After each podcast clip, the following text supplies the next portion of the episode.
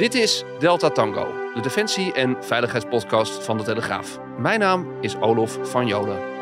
En op deze week hebben we een gast. En niet zomaar iemand. Een enkele keer toont een Nederlandse militair bij het uitvoeren van zijn opdracht een zo ongekende persoonlijke moed dat alleen de hoogste onderscheiding de waardering daarvoor tot uitdrukking kan brengen. Hij krijgt deze onderscheiding niet voor één enkele actie, maar voor zijn optreden als leider, als militair en als mens tijdens de hele missie. We hadden net over het moment dat eh, de majesteit mij op mijn schouder sloeg en eh, mij riddert. eh. ik heb dat moment niet bewust meegemaakt. Ik was bezig met één ding. Ik moet nog iets gaan vertellen. Tot op een kwartiertje daarvoor heb ik nog getwijfeld, ga ik dit door laten gaan of niet? Want hier staat de grootste leugenaar aller tijden. Ja, ook al is zijn naam niet gevallen, ik denk dat de meeste luisteraars nu weten over wie we het vandaag hebben. Want naast me zit ridder militaire Willemsorde, major Marco Kroon. Welkom. Dankjewel. Gewoon, Ja. gewoon Marco alsjeblieft, hè, zometeen. Nou, je, je neemt me al meteen een beetje de wind uit de zeilen. Dat wist ik. Eh, goed dat je hier bent, wou ik zeggen. Maar voor alle duidelijkheid, eh, eh, ik zeg vandaag je en Marco, omdat we elkaar al wat, wat vaker hebben gesproken. Graag. Voor het laatst afgelopen zaterdag. Ja. Want ehm, toen was de presentatie van, van je laatste boek. Nassau to Zero. Eh, ja, de vraag dringt zich op. Het was, was een mooi feestje. Is nog lang onrustig gebleven in Loosdrecht? Ja, ik kan niet op de details ingaan en eh, geen actieve herinnering meer aan. Nee. nee, nee, het was echt geweldig. Het mooiste was om al die jongens weer terug te zien. Sommige had ik al echt eh, na meer dan tien jaar niet gezien. En dat, ja, op een of andere manier, de, de- het heeft een dusdanige band met elkaar geschapen. Die als je daar echt letterlijk in de stront zit en de kogels om je oren vliegen. dan weet je wat je aan elkaar hebt. En als je dan elkaar weer ziet, is het net alsof het gisteren was. En, dus we zijn nog eh, wel even doorgaan. Alle whisky eh, die ik in ieder geval cadeau heb gekregen, die hebben we eerlijk verdeeld. Nou, dat is eh, eerlijk zullen we alles delen. Dat is de gedachte van een broederschap. Het was, het was ook de bijeenkomst was natuurlijk ook een beetje een eh, hoe is hoe eh, in militair Nederland. Want er liepen de nodige militaire of oud-militaire prominenten rond. Ja. Hè, Hans van Ginsven, de voormalige inspecteur der, der krijgsmacht. Marten Kruijf, oud-commandant landstrijdkrachten. Leo Beulen, zijn opvolger.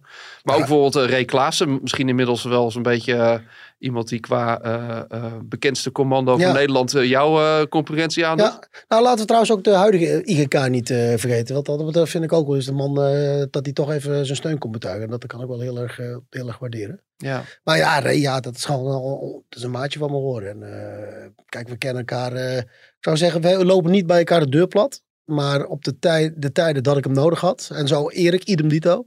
Die, die, die zie ik wat vaker.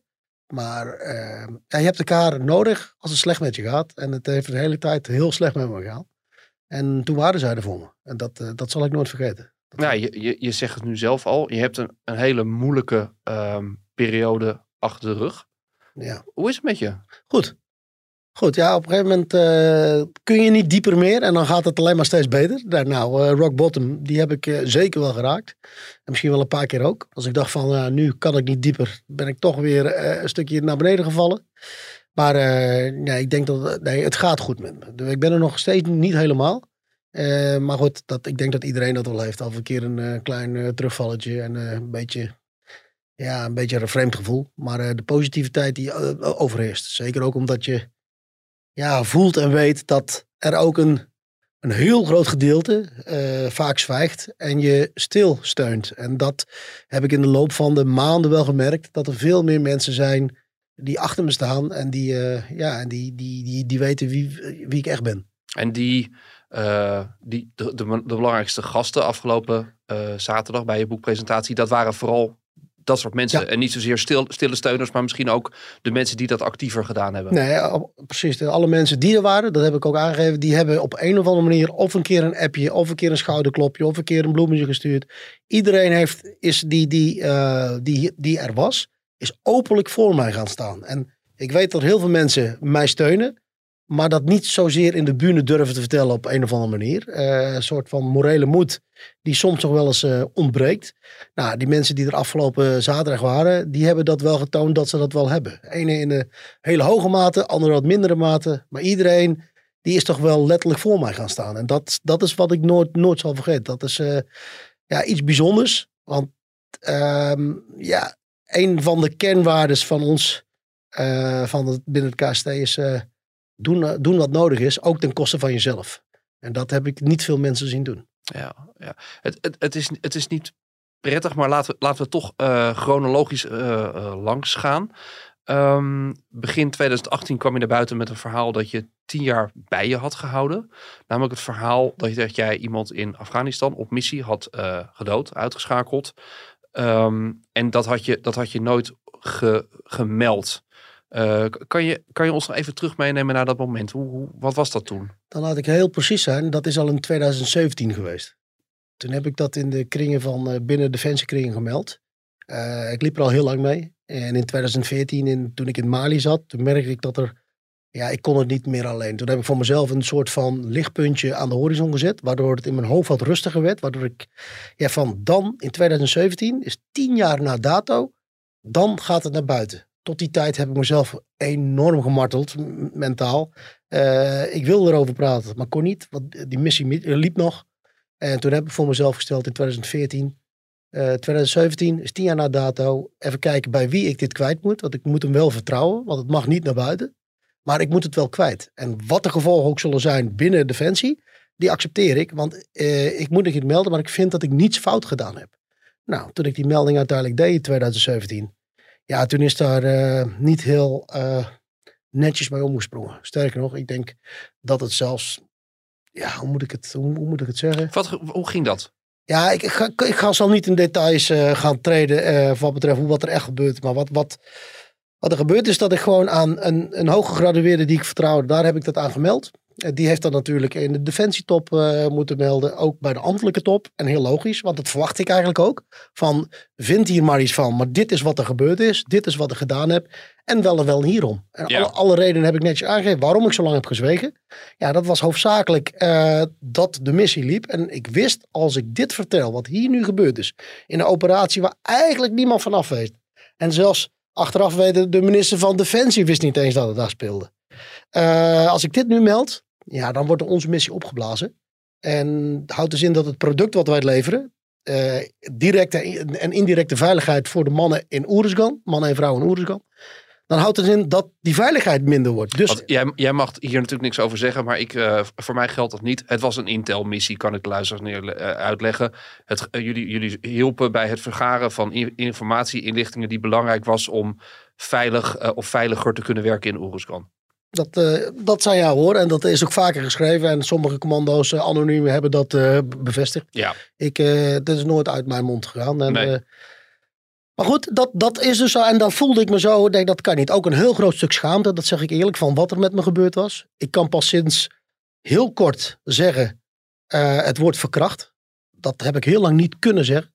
Daarom heb ik dat Heel ook... televisie kijkend Nederland heeft dat kunnen zien. Hoe jij daarmee worstelde. Ja. En je wordt op je buik gelegd. En wat gebeurt er dan, hè? Ja, dat woord krijg ik nog steeds niet over mijn mond. Uh, ik dacht dat ik er makkelijker over zou kunnen praten. Het schrijven was voor mij al moeilijk. Ja. Uh, maar dan gebeurt er iets met je als man waar je, uh, waar je niet op zit te wachten. En sterker nog, dan had je gehoopt dat, dat je dan liever doodgaat. We hoeven het woord niet te noemen. Iedereen snapt nu wel wat er is gebeurd, hè, denk ik, in, dat, in dit verhaal. Als jij het te noemen, heb ik geen probleem mee. Ja. Ik, ik kan het nog niet over mijn lippen krijgen, nee. Jeroen. Nadat je, nadat je La, laat ik het één keer noemen. Nadat je verkracht bent. En ik heb het ook niet gezegd, dat uh, heeft uh, Jeroen Pauw toen gezegd. En ik kon het nog niet zeggen. Ik, heb, ik, ik had me voor mezelf wel voorgenomen. Die stap, die, ja, dat wil ik op tv zeggen. Want al die tijd had ik wel gezegd vernederd en, en, en geslagen en mishandeld. Maar ik kon dat nog niet vertellen. Ik... Sortiment van totdat je het hardop uitspreekt, ja, ik... is het er niet. Precies, het nou, is er pas echt als je het hardop zegt? Precies, nou voor mezelf wel. Het was een soort van, van stap naar uh, bevestiging van nu kun je niet meer terug. Nu kun je het niet meer verzwijgen. Je hebt jezelf voor het blok gezet voor een deel. Ja, ja ik heb mezelf een, een hele uh, nieuwe commandoopleiding uh, gegund. Door het mentaal op tv. ja, gewoon een hele zware stap om die te maken. En die is me gelukt. Ja, en als je dan ziet en daar, daar heb ik het soms nog wel eens moeilijk mee. Zeker toen ik uh, die meiden die van... Ja, ik ga even een klein stapje maken. Uh, met nee, de met het is jouw verhaal, dus doe dat. De Voice of Holland toen de tijd. Dan ze, toen ze naar buiten kwamen, dat, ze, uh, ja, dat er dingen gebeurd waren op seksueel gebied. hartstikke mooi dat ze dat konden vertellen. En ik vond het... Maar goed, het kwam bij mij wel iets boven. Van, bij hun, heel Nederland leefde mee. Heel Nederland stond bekend en onbekend Nederland stond achter ze. En terecht. Uh, want al was er maar, kijk, de rechter moet daar natuurlijk nog steeds over oordelen, maar al was er maar een fractie van waar, was het al ja, misselijkmakend om ambitieuze jonge lui op die manier te, te ja, misleiden, als ik het zo zeg. En toen ik gewoon commando, marinier, ridder militair Wilmsorde, een man op tv zegt wat er met hem gebeurd is, dat hij verkracht is, ja, word je uitgelachen, verguisd en weggezet als fantast en leugenaar door een heel groot deel van Nederland. Was daar ook een verschil in hoe jij, eh, laten we zeggen, ik noem het maar, de Twitter-reactie en de reactie eh, meer in je eigen organisatie binnen, binnen de kruismacht? Nee, ik had eh, toen nog geen social media. En dat is maar goed ook. Als ik zo hoor wat er links en rechts gevonden werd. En dat is wel mooi dat iedereen kan vinden wat hij wil. Dus dat weet ik niet. Maar wat voor mij ja, de grootste klap was. En toch wel, denk ik, een trigger voor de PTSS die diep onderliggend lag. Nog van mijn gevangenschap. Eh, dat dat wel eh keihard naar boven is gekomen als een soort van dolk in mijn rug.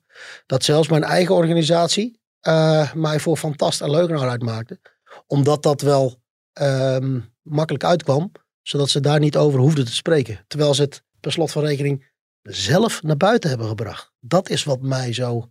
Want hoe ging, hoe ging dat dan precies? Want jij, jij meldde dat dan in 2017. Er is, is, on- eh, dat, dat treintje ging lopen. Ja, ik heb het bij de militaire top eh, neergelegd. Dat is uiteindelijk natuurlijk komt dat ook bij de ambtelijke top. En eh, nou, dan word je gebeld door eh, de hoogste generaal van Nederland. Eh, ik ken ze allemaal goed natuurlijk. Als ridder ga je daar heel, heel tijdje mee om. Je kent ze gewoon ook eh, persoonlijk. Ja, en dan word je gewoon eh, verteld van Mark, oh, neem even eh, een advocaat in de arm. En, eh, want eh, je was zo warrig. Het verhaal wat je vertelde. Eh, en emotioneel. Toen ik het voor het eerste keer vertelde. Ja, dat is ook die- wel logisch natuurlijk. als ja, en, en, ik schaam me daar ook niet voor. Maar ik was, ja, ik ben vrij druk van nature. De luisteraars kunnen dat nu waarschijnlijk beamen. Eh, maar goed, emotie, druk, eh, geheim onthullen. En ja, dan ben je wat, wat warrig en, en, wat, en wat staccato waarschijnlijk.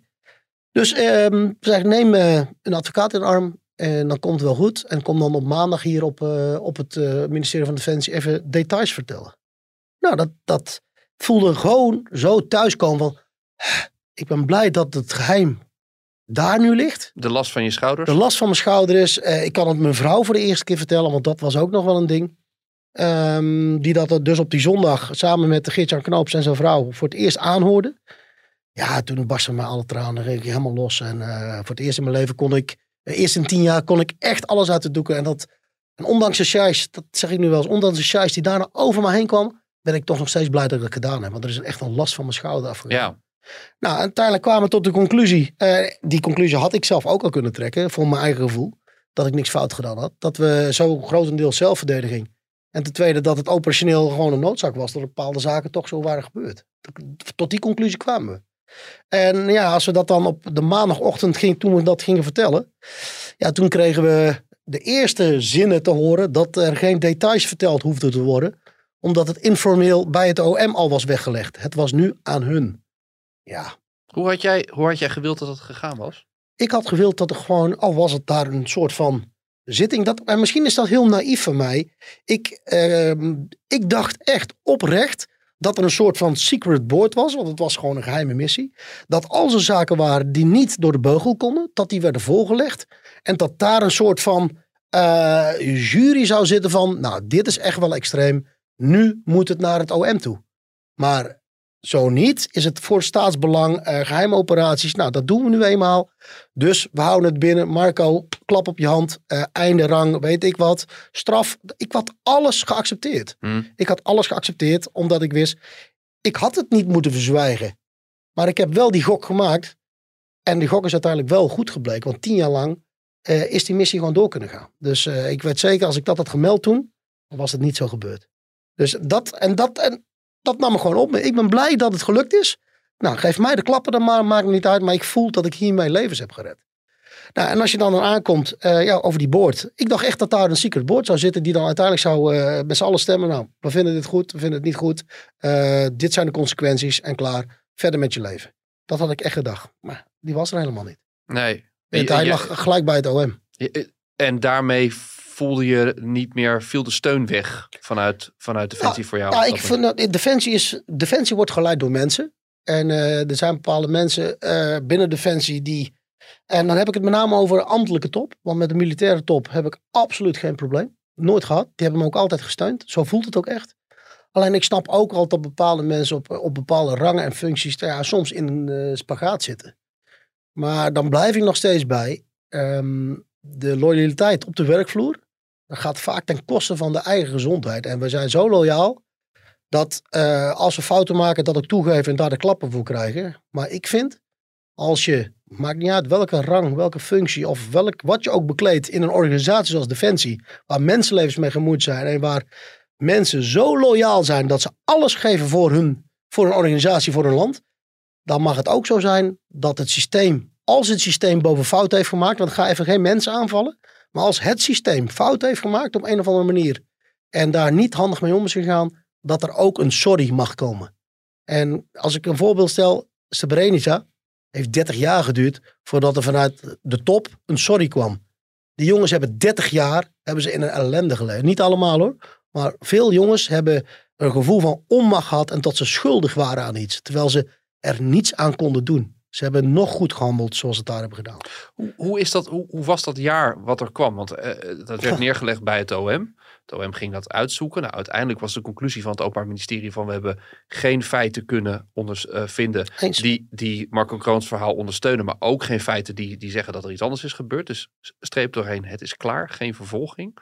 Maar hoe, hoe is die periode uh, tussen, zullen we zeggen, dat het naar buiten kwam en, en, en dat besluit van het OM voor jou geweest? Ja, wat ik zelf nooit heb begrepen is dat we. Uh, ja, ik begrijp al waarom het is gebeurd. Maar waarom Defensie, nadat er uiteindelijk duidelijk kwam dat er toch niets te vinden was. Maar laten we vooropstellen, het was mijn werk, hè, dit soort dingen. Ik wist wat er wel en wat er niet te vinden was. En dat had ik ze gewoon kunnen vertellen. Als ze maar naar de details hadden geluisterd, dan had al die ellende en had mijn, mijn leven niet op zijn kop gestaan. Want met name door het naar buiten brengen als fantast en leugenaar en uh, kroon lult maar wat. Ja, dat heeft mijn leven compleet vernield. Echt, niet alleen die van mij, maar ook die van mijn kinderen, van mijn gezin. Je wordt gewoon papa Pinocchio genoemd en die jongens hebben er gewoon keihard last van. En dat laat ik niet zitten. Ik, al die tijd heb ik het geaccepteerd.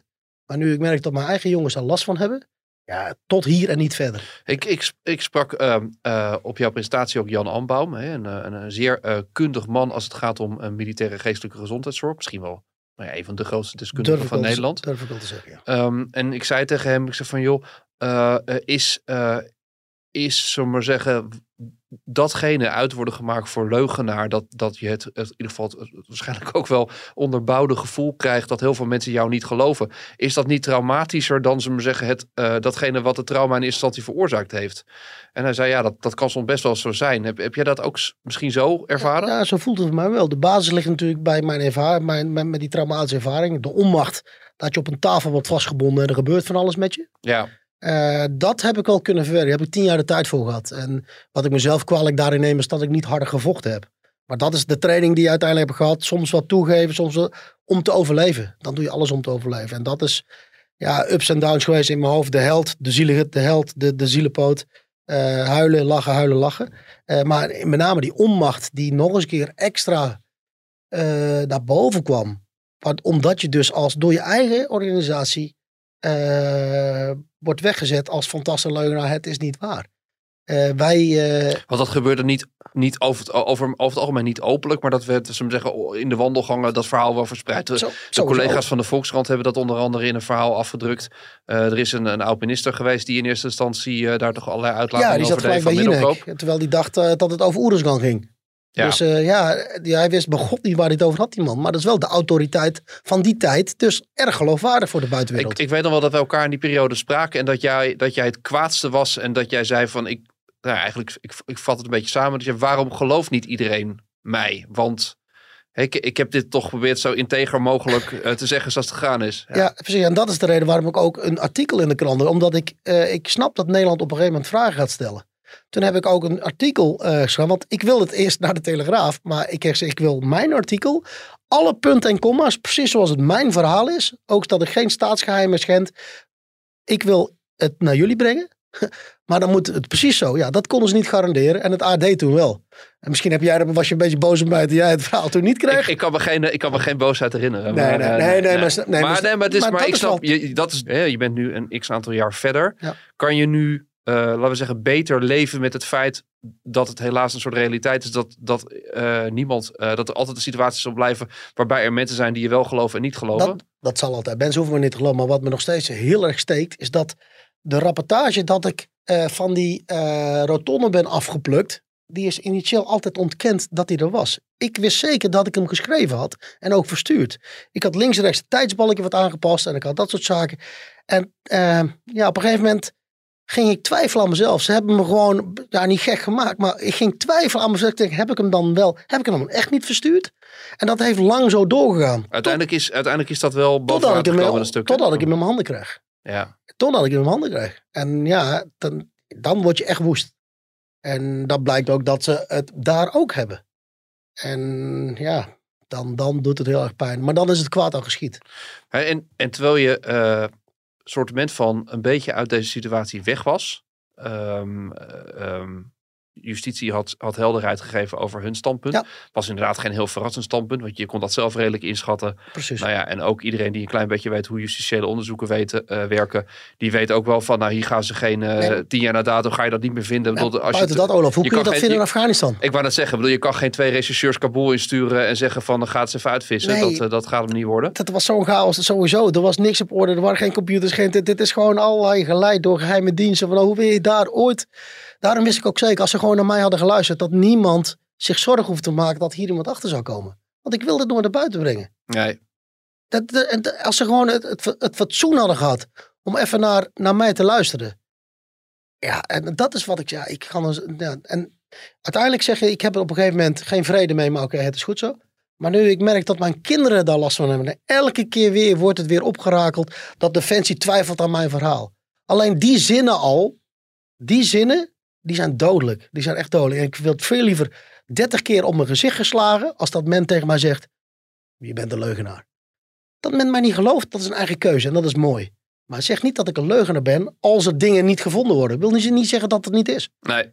En dat is, het is helemaal omgedraaid. En dat, dat, dat neem ik heel veel mensen kwalijk. Als ze per definitie, oh het is niet, dus het is zo. Nee, luister jongens, eh, je hoeft maar echt geen, geen... En ik snap ook op een gegeven moment ook dat mensen mij echt een lul vinden. Ook met wat daarna gebeurde, met dat Wilplas gebeuren. Want als je, je inderdaad- een agent een kopstoot geeft, dan ben je ook een hufter. Dan ben je echt een grote klootzak. En als je daar nog eens een keer wordt voor beschuldigd, terwijl je zelf aan de kant van die agenten staat, dan nog eens een keer daar bovenop komt, terwijl je al een leugenaar wordt genoemd, ja, dan is het, jong, op een gegeven moment ben je daar zo klaar mee en denk, nu is het klaar, nu ga ik mezelf een keer beschermen. En nu ga ik, ik ben er nooit zoveel open geweest over zaken zoals nu. Nu ik hier bij jou zit, afgelopen keer in, in, in, de, krant, Telegraaf, andere podcasts, het is klaar. Het is goed zo. Ik eis een excuus. Of in ieder geval een manier waarop het systeem zegt, we zijn misschien niet zo handig met deze zaak omgesprongen. Je roerde het al aan. Hè? eh, ehm, eh, je was net eh, die, die ergste storm van, van de Afghaanse affaire, noem ik het maar, was net een beetje gaan liggen. Dat was allemaal weer een beetje op Eh, ik weet nog heel goed, eh, in die periode eh, ging ik bij jou langs om een kop koffie te doen. Reed ik me klem op de dranghekken. Ik ben natuurlijk een stomme Noorderling. Ik dacht, waarom staan die dranghekken? Ja, het was Carnaval. carnavalstijd. Dus ik had het nog met je over. Ik zeg, van, ga, ik ja. zeg, ga jij nog carnavallen? Nou, zei je, denk het niet. Ach, ik heb inmiddels ook een leeftijd dat ik misschien eens wat rustiger aan moet doen. Ja, en vervolgens gebeurt dit dan. Steeds ben je blijven zeggen van dat het is niet zo gegaan als nu gesteld wordt. Eh, heb je ook nog overwogen om een andere strategie te kiezen? Om bijvoorbeeld te denken, ja, Jezus, ik kan maar beter mea culpa zeggen. Stom, eh, ik zeg sorry en ik hoop dat... Laat- Het is ook stom dat ik daar ben gaan plassen. En dat ik voor de tweede keer zeg van... mevrouw, hoe- hoeveel is die boete? Ja, die is 140 euro. Ik zeg nou, voor dat geld maak hem even af als u het niet erg vindt. Tuurlijk is dat allemaal niet handig, dat begrijp ik. Maar je moet ook begrijpen, het is carnaval. Dus de eerste keer dat ik uitging naar die hele affaire... dat ik als leugenaar werd uitge- uitgemaakt. En tuurlijk is dat niet handig, dat weet ik ook wel. En dat, dat snap ik. En als ik 280 euro boete had gehad, had ik dat ook geaccepteerd. Maar ik heb nu niet eens de kans gehad om de boete te betalen. Toen lag ik al in de boeien. Want, maar goed, ik, ik ga hier niet mezelf verdedigen. Dat moet in de rechtszaak blijven. ja, want het is ik- voor alle du- duidelijkheid, eh, eh, de zaak loopt nog. Ja, de, de Eh, cassatie. 19, 19 Precies. april is er een uitspraak in de cassatie. Ja. Ehm, en, en, eh, maar dat heeft jou ook heel veel energie, Ja. eh, heel veel geld gekost. Heel veel. Ja. Eh, ben ik nog tot aan mijn pensioen aan het afbetalen. Maar wa- waarom, maar waarom, heb je niet, waarom zat dat je zo hoog? Heb je niet gedacht van nou oké, dan maar de pragmatische route? Nee, ik, dat, maak ik niet. Dan maar, dat- zeggen bij ons in Brabant, dan maar kapot. Ik heb het niet gedaan. Nee. Ik ben de laatste die wegloopt voor mijn fouten, voor mijn, voor mijn daden. Die ik zeg, ik heb altijd als er iets gebeurd, ook als kind al. Wie heeft dit gedaan? En ik had het gedaan, stak ik mijn hand op. Dat heb ik gedaan. En nu ook. Maar ik heb het niet gedaan. Zo ook met dat hele, met mijn hele gevangenschap, dat verhaal. Ik heb het niet naar buiten gebracht. Ik heb het niet zover willen laten komen. Dus het onderste steen boven. En dan blijf ik echt tot mijn dood daar achteraan. Totdat het een keer eh, gezegd wordt van, eh, we hebben het niet zo handig aangepakt. En ook met het hele wildplasaffaire. Ja, ik ga tot waar ik kan. Waar mijn recht ligt, tot en met cassatie. Ja, en dan houdt het op een gegeven moment ook op. Ja, en dan moet je accepteren dat je straf moet eh, uitzitten. Of wat dan ook. Maar ik ga zitten. Ja, Ja, ja dat ben ik. geen taakstraf? Want je hebt op zich wel een vorm van ervaring van dienstbaar zijn aan de samenleving. Nee, nee, ik, maar ik meen ook, ik meen ook oprecht. Eh, en dat, daar sta ik achter. Ik heb heel veel vrienden die bij, bij de politie zitten. Eh, die mannen en vrouwen krijgen het zo voor hun kiezen. Soms, ik zeg zo wel, sla toch verdomme wat harder man. Laat ze eens voelen wie hier de basis is. Klinkt misschien heel ouderwets, maar ik ben van de oude stempel. Eh, maar ik vind ook echt, ik sta achter die mannen en vrouwen op straat. Daarom doet het ook zo extra pijn dat ik nu zo word weggezet. Ja, dat is gewoon heel vervelend. Ja. Maar als je dan uiteindelijk, eh, ik vind het oprecht, als je een agent een kopstoot geeft of wat dan ook kwaad doet, elke hulpverlener, dan verdien je vang- gevangenisstraf. En dat is mijn staat. Mijn rechter, mijn rechtsstaat, waar ik altijd, waar ik zelfs voor heb willen sterven. En dat klinkt allemaal heel, heel heroïs en nobel, maar ik meen dat echt zo. Pragmatisch is dat waar je voor tekent natuurlijk. Ja, precies, maar dat, precies. En dat is ook zo krom. Ik vecht mijn eigen staat aan waar ik altijd voor vecht. Waar ik voor altijd voor heb gevochten. Maar nu weet ik ook dat het... eh, ik lees nu ook in de krant en eh, bij uitspraken tussen de regels door. Want ik weet ook dat er soms dat het niet helemaal klopt zoals het is gegaan. En dat het woord van een agent niet altijd waarheid is. Ehm, maar goed, ik ga dus zitten. Ik vind als je een agent kopstoot geeft, hoor je gevangenisstraf te hebben. En ik zou mezelf verloochenen als ik mijn eigen principes opzij zet om mezelf te ontlasten. En dat is wat ik net al zei. Doen wat nodig is, ook ten koste van jezelf. Want ik vind dat je een taakstraf in, eh, moet zitten op het moment dat je Ja. een hulpverlener aangrijpt. Ja. Maar het is, eh, als je het bij elkaar optelt, hè, je, hebt, je hebt dan eh, en die Afghaanse verhaal, de, de, de carnavalsellende. En dan krijg je er ook nog overheen de diagnose dat je posttraumatische stressstoornis verschijnsel hebt. Nou, zelf wist ik het al veel eerder hoor. Alleen ik zat in de ontkenningsfase. Dat, is, Ja. eh, dat, dat is ook een symptoom blijkbaar. Maar ik bedoel, ja, hoeveel kan je bergen als mens? Ja, eh, blijkbaar op een gegeven moment had je dus een knakmoment. Daarom ben ik eh, in 2020 eh, in therapie gegaan. Ja. Maar dat, dat, ik kan me voorstellen dat dat is voor, voor veel mensen moeilijk. Maar ja, je bent commando. Alles wat jij hebt gedaan is, je moet overal terug Ja. tussen kunnen. Kou, kou zit tussen je oren. weet je, al dat soort, dat soort, ja, het zijn een beetje clichés, maar Nee, maar dat was voor mij ook een van de moeilijkste stappen. Durven toe te geven dat je. je- je- Want je bent niet zwak, hè? Ik dat, Jan legde dat heel mooi uit. Je bent, bent niet zwak, je bent te lang sterk geweest. En dat is voor mij wel een heel mooie zin geweest. Dat ik denk inderdaad. Kijk, wat, ik allemaal, wat mijn gezin ook allemaal heeft moeten verduren. Met alle ellende vanaf het moment dat ik die medaille heb eh, mogen eh, ontvangen. Eh, iedereen vindt iets van je. En dat moet je ook allemaal incasseren. Ik heb had toen nog geen social media. Maar je hoort ook welk dat vrienden en kennis en, en familie soms bijna vechtpartijen hebben. Omdat ze mij willen beschermen. Omdat iedereen heeft wel een mening over Marco Kroon. En iedereen kan dat zo tegenwoordig maar even op social media, lekker anoniem. En ik lees het dan niet, maar mensen om mij heen wel. En ja, het is zo makkelijk om iets te vinden. En dat heeft mij wel, ik denk dat hele ellende heeft me wel een beter mens gemaakt. Ik oordeel niet zomaar meer op, op een uiterlijk of op één verhaal. nee. Daar ben ik echt zo in veranderd. Had ik vroeger wel. Hè? Ik was echt zo'n hufte die zei, ah, dat is een lul. Hoezo? Ja, zijn gezicht staat me niet aan. Mhm. Dus dan had ik al een oordeel en dat blijft heel lang totdat het tegendeel, totdat hij het tegendeel bewees. Ja, Maar daar ben ik wel van afgestapt. Ik ben, en dat probeer ik ook mijn kinderen mee te geven. En als ik soms wel met, eh, met mensen praat, met name veteranen die iets vinden, eh, want daar kom ik heel veel mee in aanraken, gelukkig. Eh, ik ben niet meer zo, zo snel van mening. Laat eerst maar. Ik zeg al, andersdenkenden zijn anders dan dat wij denken. En een verhaal heeft altijd twee kanten. ja. Ik ben er ook heilig van overtuigd dat twee tegenpolen, de grootste vijanden, de grootste vrienden kunnen worden als ze op elkaar moeten gaan bouwen. Het zou mooi, een mooi format, format zijn voor het tv-programma. Ja, eh, nou ja, u weet dat het nu hier bij deze geboren wordt. Maar is het, ik bedoel, ik, ik kan me voorstellen eh, dat, dat die stap moeilijk was. Maar ging het daarna ook, zo zeggen, toch wel in enig tempo beter met je? Zo gauw je met die, Nee. met die gesprekken begon? Nee, maar dan wordt het toch wel, eh, zeker met die EMDR en dat soort zaken, dan wordt het toch wel alles opgerakeld. En dan merk je die hele gevangenschap, die, dat, die, vechtpartijtje, die vechtpartijen om je op die tafel te krijgen, die touwen, dat, dat komt allemaal weer even terug. En dat is wel, dan zit je wel weer heel diep. Mhm. En dan, ja, voor mensen die EMDR hebben gehad, die weten misschien waar ik het over heb. Ja, je bent kapot aan het einde van de dag. Ja, het is een, vorm van therapie waarbij fragmentje per fragmentje dingen worden teruggehaald. Ja. En dat wordt geprobeerd een soort van te neutraliseren in En je met, geheugen. met de lichten, dus alle Ja. zintuigen die worden geprikkeld. Je ogen, je oren. En ondertussen wordt het verhaal verteld. Wil, moet je het weer oprakelen. Ja, mentaal is het echt doodvermoeiend. Dat had ik niet verwacht. Ik heb dat echt onderschat. Nee.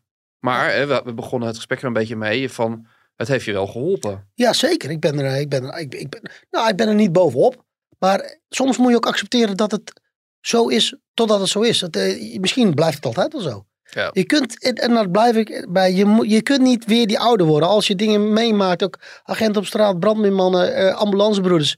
Op een gegeven moment word je gewoon een ander mens omdat je ervaring hebt. Wil niet zeggen dat je dan slechter wordt. Ik denk zelfs dat je rijker wordt. Want ondanks alles wat ik heb meegemaakt, ik zou- had het niet willen missen. Het heeft mij gemaakt tot wie ik ben. Het, het heeft ook, eh, kan ik me voorstellen, jij werkt veel met veteranen. Dat is nu jouw, jouw Ja. voornaamste Dat is werk. al heel lang zo. Je bent stafofficier veteranen postactieve Ja. eh, voor de landmacht. Eh, je hebt daarbij ook wel een voorbeeldfunctie door, door open te zijn en door te zeggen van ik, ik heb die stap gezet. Eh, dat heeft me iets gebracht. Ja. Eh, is het ook een bewuste keuze dat je dus ook op deze manier er zo over praat? Ja, absoluut. Zeker weten. En ik denk ook, dat merk ik ook om mij heen, dat er best wel een aantal lui zijn die naar me toe komen. Ik krijg dagelijks mailtjes gewoon op mijn gewone privéadres, op mijn militair adres, maar ook via mijn secretariaat. Van jongens die, die, die, die, die, ja, die, Marco, top dat je het hebt gedaan. Ik heb het ook. Die, op een of andere manier, als ik dat durf te zeggen, durven zij daar ook in één keer mee, mee naar buiten komen. En dat, dat vind ik wel een, hele grote winst. Op een of andere manier ben je toch op de, van de werkvloer. Die jongens die, je bent vrij benaderbaar. En eh, ja, sommigen kijken huishoog tegen je op. Dat is helemaal niet nodig, want het is iedereen. Je bent een van hun. Ja, precies. En dat wil ik ook zeker zo blijven. Ik, eh, ik, ik zeg altijd zo, ik sta liefst met mijn blote kont aan de bar. Als dat ik een wijntje drink eh, eh, met de minister-president eh, op het Binnenhof. Dat, dat, daar, daar ligt mijn ding. Terwijl dat andere ook leuk is. Maar ik sta liever bij de jongens beneden. Ja. En ehm, het, is, het is ook echt wel een, een onderwerp nog steeds waar ook in, jouw in jouw eigen organisatie, ook binnen het KCT, er toch mensen rondlopen met, met, met dit soort problematiek die, die ook nog niet die hulp hebben gepakt. Nee, absoluut. Ik weet ook zeker dat er. eh, en, dat, en dat is wel, eh, denk ik, een, een, een punt. En daar is niks mis mee. Maar de, de dynamiek en de snelheid van wanneer we. En ik weet niet hoe het nu is, dat weet ik echt niet. Maar waarin we in van missie naar missie naar missie vallen. Je zit in een sneltrein waar je niet zo snel uitstapt. Want één ding doe je niet als je maat in de steek laten. Ook al weet je dat je te hard voor jezelf gaat. En misschien wel dat je even rust moet nemen. Eh, ga je toch door. Er is, geen, er is eigenlijk geen moment om te reflecteren of na te denken van wat heb ik nou gedaan of wat is me overkomen. Ik weet niet of dat nu is, maar dat was in mijn geval wel zo. Ik ben in 2003, 4, 5, 6, 7 ben ik uitgezonden geweest. Dus ja, dan snap je, dan ben je alleen maar door aan het gaan, door aan het gaan. En, eh, en dat is niet erg, want daar, daar doe je het voor. Maar op een gegeven moment is dat emmertje wel vol, eh, denk Ja. ik. Ja, dat is, dat, en dat is gebleken. Hey, en nu vertelde je ook in ons, in ons eh, krantenverhaal van eigenlijk eh, een deel van, van mijn, eh nou, zeggen, weer, weer terug, op, terug op kracht komen, zat hem in het herschrijven van mijn eerste boek. Ja. En dat is wat je nu gedaan hebt. Ja, dat, dat inderdaad. Toen ik er echt diep zat als een, als een, ja, als een hoopje ellende eh, bij ons thuis. Ja, je bent wel eens bij ons thuis geweest. Ja, Je weet, helemaal ver in de hoek. Ja, op de bank, daar zat ik. Ik durfde niet naar buiten. eh, ik wilde niet mensen aan, aankijken. Ik schaamde me zelfs voor dingen die ik niet had gedaan, maar die men wel over mij zei. oké. Ja, en, en daarvoor was het wel, had ik trots, trots genoeg om toch naar buiten te gaan. En zeggen, hey, vind maar iets van mij, het boeit mij niet. Eh, maar dat was helemaal van me afgenomen. Mijn complete zelfwaarde, mijn zelfrespect, mijn trots, mijn eer, dat was gewoon allemaal weg. En toen zei eh, mijn psycholoog van, ehm, ja, de gouden greep, begin eens te schrijven. Hij wist dat ik van schrijven hield, daar kan ik mijn gevoelens in kwijt. Eh, begin, begin eens te schrijven over de tijd dat je vond dat je er nog toe deed Ja, toen je nog een van de mannen was, dat je nog voelde van, hé, hey, niemand maakt mij iets wijs. Kom maar, kom maar op. Ja, ik heb altijd al een beetje een, een, een, eh, een raar gevoel gehad over Danger Close, over mijn, over mijn tweede boek. Niet zozeer dat het een slecht boek was, maar eh, in die tijd kon ik het niet helemaal afmaken. Een ghostwriter heeft me daar eh, in ieder geval redelijk mee geholpen. En toen ik het las, hartstikke leuk. Maar ik denk, ja, dit zijn niet mijn woorden. Dit, dit is niet zoals het echt gebeurt. Het was allemaal heel heroïs, heel staccato, soms weggezet. En denk ik, potverdikke, maar die beslissing, ja zo, maar er ging iets veel meer aan vooraf. Er zaten ook angsten bij, er zaten ook twijfels bij, er zaten heel veel fouten die ik heb gemaakt. Dus, eh, dus dat heb ik toen uiteindelijk geschreven. En elk hoofdstuk voor hoofdstuk. En er kwam weer een hoofdstukje bij. En ook een aantal zaken die ik in 2013 niet mocht schrijven. Maar omdat Afghanistan nu voorbij is, Ja. denk ik, hé, hey, wat de hek. Dit kan er gewoon bij En nu. hoe, hoe was dat? bij. Was dat eh, thuis achter je bureau eh, tot diep in de nacht? Of, ja, ik op een of andere manier ja, zat je dus thuis sowieso als een zielig hoopje. En ik had nog wat uh, patrouillerapporten eh, die ik weer terug ging lezen. Ik denk, hé, hey, shit, dat was best wel heftig uit. Dus, en dat was toen uit 2006. Dus ik denk, hé, hey, wat ben ik zeg, dit hebben we dus echt gedaan. Dit Ja. hebben we dus echt En dus ga je weer denken, hé, hey, potverdikke, wat, wat die mannen toen neergezet hebben. Dat is geen, eh, dat, eh, dat is het, nee, niet dat is toch wel niks. heftig. Ja. Nee, je, je had het erover, het is, het is de medaille die je misschien helemaal niet had willen hebben. Maar feit is dat je hier de, de hoogste Nederlandse militaire onderscheiding Ja. hebt die er is. En jouw mensen daarmee ook eigenlijk. Maar goed, Olaf, ik moet echt eerlijk zeggen, die medaille die hadden we, alle, die hadden we eh, allemaal moeten hebben. En Ja. ik denk dat het een heel mooi moment was om de missie Oeruzgan weer in een mooi, in een mooi daglicht te, te, te zetten.